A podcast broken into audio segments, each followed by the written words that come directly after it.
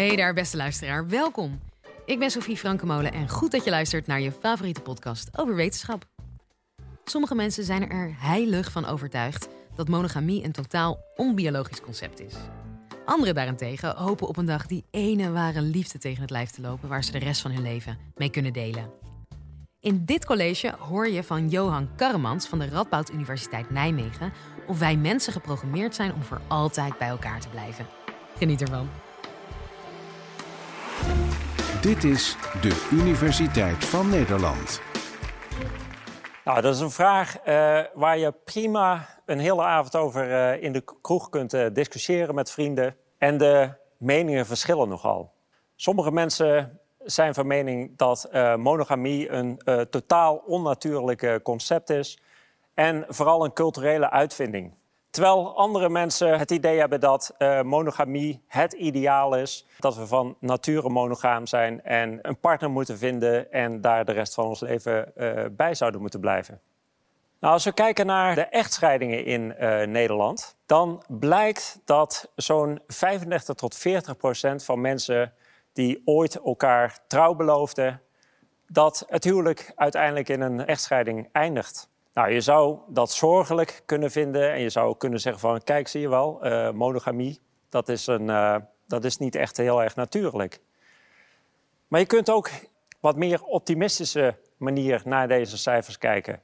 Dat betekent namelijk dat ook 60 tot 65 procent van de mensen die ooit een relatie krijgen en het huwelijk aangaat, wel een heel leven bij elkaar blijven. Nou, en dat te bedenken, mensen die op jonge leeftijd een relatie krijgen, verschillende persoonlijkheden, verschillende achtergronden. In de relatie um, vindt, er, vindt er stress plaats, vindt er uh, tegenslag uh, plaats. En toch weet dus de meerderheid een heel leven lang samen te blijven. En dan ook nog eens te bedenken dat zich er heel wat verleidingen kunnen voordoen gedurende zo'n leven allerlei aantrekkelijke alternatieven, aantrekkelijke alternatieve partners. Iemand die misschien zelfs uh, aantrekkelijker is uh, fysiek dan, dan de huidige partner. Of iemand die misschien een mooie persoonlijkheid heeft dan de huidige partner. En uh, dergelijke aantrekkelijke alternatieven kunnen een daadwerkelijke bedreiging voor de relatie uh, vormen.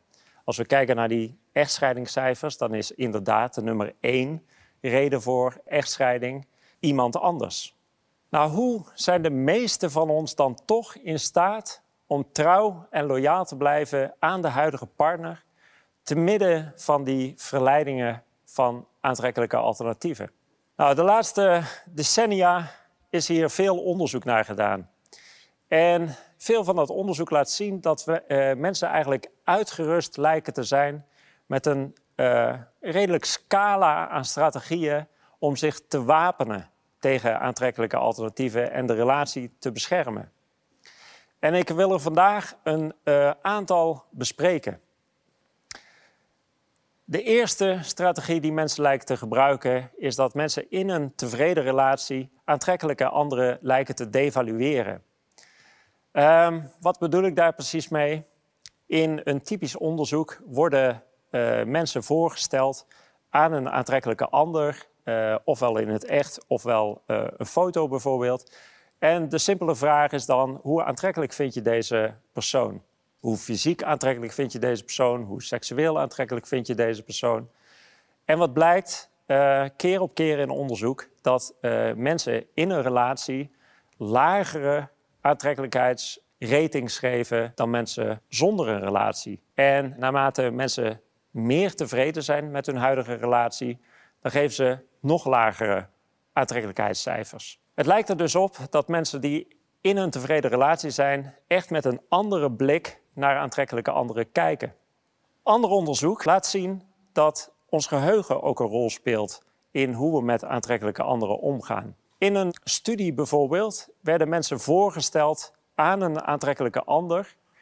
En deze aantrekkelijke ander stelde zich voor aan de hand van een aantal positieve gedragingen en aan de hand van een aantal negatieve gedragingen. Bijvoorbeeld, ik verraste mijn moeder met een bosje bloemen of ik laat het opruimen over aan huisgenoten als een meer negatief gedrag.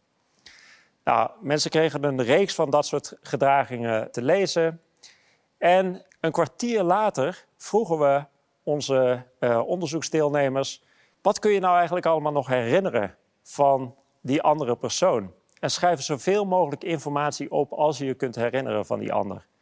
En wat bleek? Uh, mensen die zich in een tevreden relatie bevinden, schreven relatief meer negatieve informatie op. En de mensen die op dit moment vrijgezel waren, konden zich relatief meer positieve informatie herinneren en uh, relatief minder negatieve informatie. Met andere woorden, ons geheugen lijkt wat uh, negatief vervormd te zijn op het moment dat we in een tevreden relatie zijn en wanneer we denken aan aantrekkelijke anderen. Ander onderzoek laat ook zien dat mensen die zich uh, op dit moment in een tevreden relatie bevinden, dat die echt op heel bazaal niveau simpelweg minder visuele aandacht hebben voor aantrekkelijke anderen. Uit studies blijkt, waarin de oogbewegingen van mensen worden gemeten, dat uh, mensen in een tevreden relatie, dat die eerder bijvoorbeeld de blik afwenden van een aantrekkelijke ander dan dat uh, vrijgezellen dat uh, doen. Wanneer het er echt op aankomt om je relatie te beschermen, is natuurlijk wanneer je echt in interactie bent met een aantrekkelijke ander. Nou, en um, een van de studies laat zien dat mensen die zich in een relatie bevinden wat minder imitatiegedrag laten zien ten opzichte van mensen zonder een relatie, wanneer ze in interactie zijn met een aantrekkelijke ander. Bij imitatiegedrag moet je echt voorstellen dat het gaat om het overnemen van gedragingen, bijvoorbeeld kleine gedragingen zoals het uh, even in, in het gezicht zitten of de houding die iemand aanneemt. Um, en we weten uit heel veel onderzoek dat dit soort imitatiegedrag, wat mensen over het algemeen vrij onbewust uh, doen, dat dat een hele belangrijke sociale functie heeft in interacties. Wanneer er meer imitatiegedrag plaatsvindt in interacties, dan voelen mensen zich over het algemeen meer verbonden met elkaar. Nou, het lijkt er dus op dat mensen met een relatie en die tevreden zijn aan de huidige relatie, dat die wat minder imiteren wanneer ze in interactie zijn met een aantrekkelijke ander. En op die manier eigenlijk een soort van psychologische afstand houden tussen henzelf en de ander.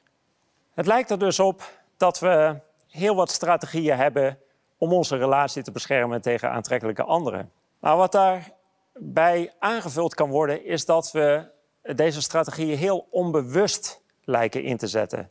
We doen dat automatisch, we hoeven daar niet over na te denken.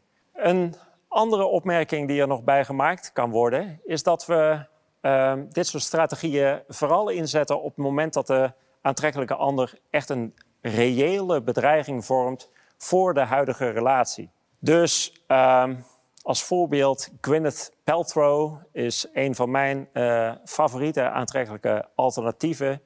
En het is prima als ik die heel erg aantrekkelijk vind. Die hoef ik niet te devalueren, want zij vormt geen daadwerkelijke, reële bedreiging voor mijn huidige relatie. Net zoals uh, mijn vrouw uh, George Clooney een ontzettend aantrekkelijke man vindt. En dat is prima, omdat het geen bedreiging is voor de, voor de relatie. Maar de vraag is, werkt het ook? Helpen deze strategieën ons om de huidige relatie te beschermen tegen de verleidingen van aantrekkelijke anderen? Nou, recent onderzoek geeft daar inzicht in. Het was onderzoek onder meer dan 200 koppels die een aantal jaar gevolgd werden. En wat bleek dat de koppels die meer devalueerden, dus uh, aantrekkelijke anderen eigenlijk minder aantrekkelijk vonden. En uh, de koppels die ook minder aandacht hadden voor aantrekkelijke anderen, die hadden gedurende die periode van een aantal jaar een kleinere kans om vreemd te gaan. En als gevolg daarvan een grotere kans om aan het eind van het onderzoek nog steeds bij elkaar te zijn. Dus het lijkt ons echt te helpen om de relatie te beschermen. Naast de vraag helpt het, is ook een interessante vraag: waarom doen we dit? Waarom beschermen we uh, onze relatie tegen aantrekkelijke alternatieven? Nou, er zijn eigenlijk twee mogelijke verklaringen voor. De eerste is meer uh, sociaal-psychologisch van aard. We weten uit heel erg veel onderzoek dat uh, het hebben van een tevreden en stabiele relatie bijdraagt aan geluk en ook samenhangt met onze fysieke gezondheid. En op het moment dat een relatie een bron van geluk en welbevinden is, dan kun je die relatie maar beter ook beschermen. En dat lijken we dus echt onbewust uh, te doen. De tweede verklaring is meer evolutionair psychologisch van aard. Er zijn evolutionair psychologen die beweren dat in ons evolutionair verleden het samen grootbrengen van kinderen enorm heeft bijgedragen aan het vergroten van de kansen uh, om te overleven van kinderen. Zoals we, zoals we allemaal weten zijn mensenbaby's totaal hulpeloos bij de geboorte. En er is ook onderzoek waar, wat, wat hier goede aanwijzingen voor geeft. In uh, hele traditionele jager-verzamelaar-maatschappijen uh, bijvoorbeeld. Lijkt het erop dat op het moment dat de ouders niet in staat zijn, om wat voor reden dan ook, om samen kinderen op te voeden, dat ze niet een lange termijn relatie samen hebben, dat de kinderen dan een grotere kans hebben om te sterven voordat ze eigenlijk de leeftijd uh, bereiken waarop ze zelf hun genen kunnen voortbrengen. Het lijkt er dus op dat die strategieën eigenlijk een soort staartje zijn wat we hebben uh, gekregen uit ons evolutionair verleden. Wat betekent dit nou allemaal? Nou, terug naar de openingsvraag. Zijn mensen van nature monogaam? Nou, er is geen wetenschappelijk bewijs dat dat niet zo is. Maar er is ook geen wetenschappelijk bewijs dat het wel zo is. En ik zou zeggen, misschien is het zelfs een nogal onzinnige vraag. Sommige mensen zijn misschien meer geneigd tot monogamie, andere mensen minder. Sommige delen van de wereld en in sommige culturen zijn traditioneel uh, meer monogaam dan andere culturen.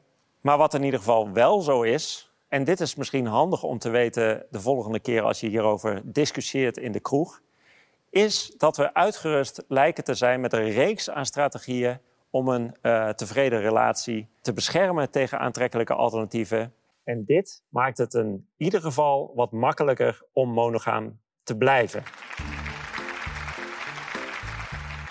Dat was Johan Karremans. Ik hoop dat je het een boeiend college vond. En ken jij nou ook een wetenschapper die hier graag eens een keer zou horen? Tip ons dan. Stuur een mail naar podcast.universiteitvannederland.nl Volgende keer hebben we het erover waarom duiven zo graag in de stad zitten in plaats van in een lekker rustig groen bosje. Tot dan!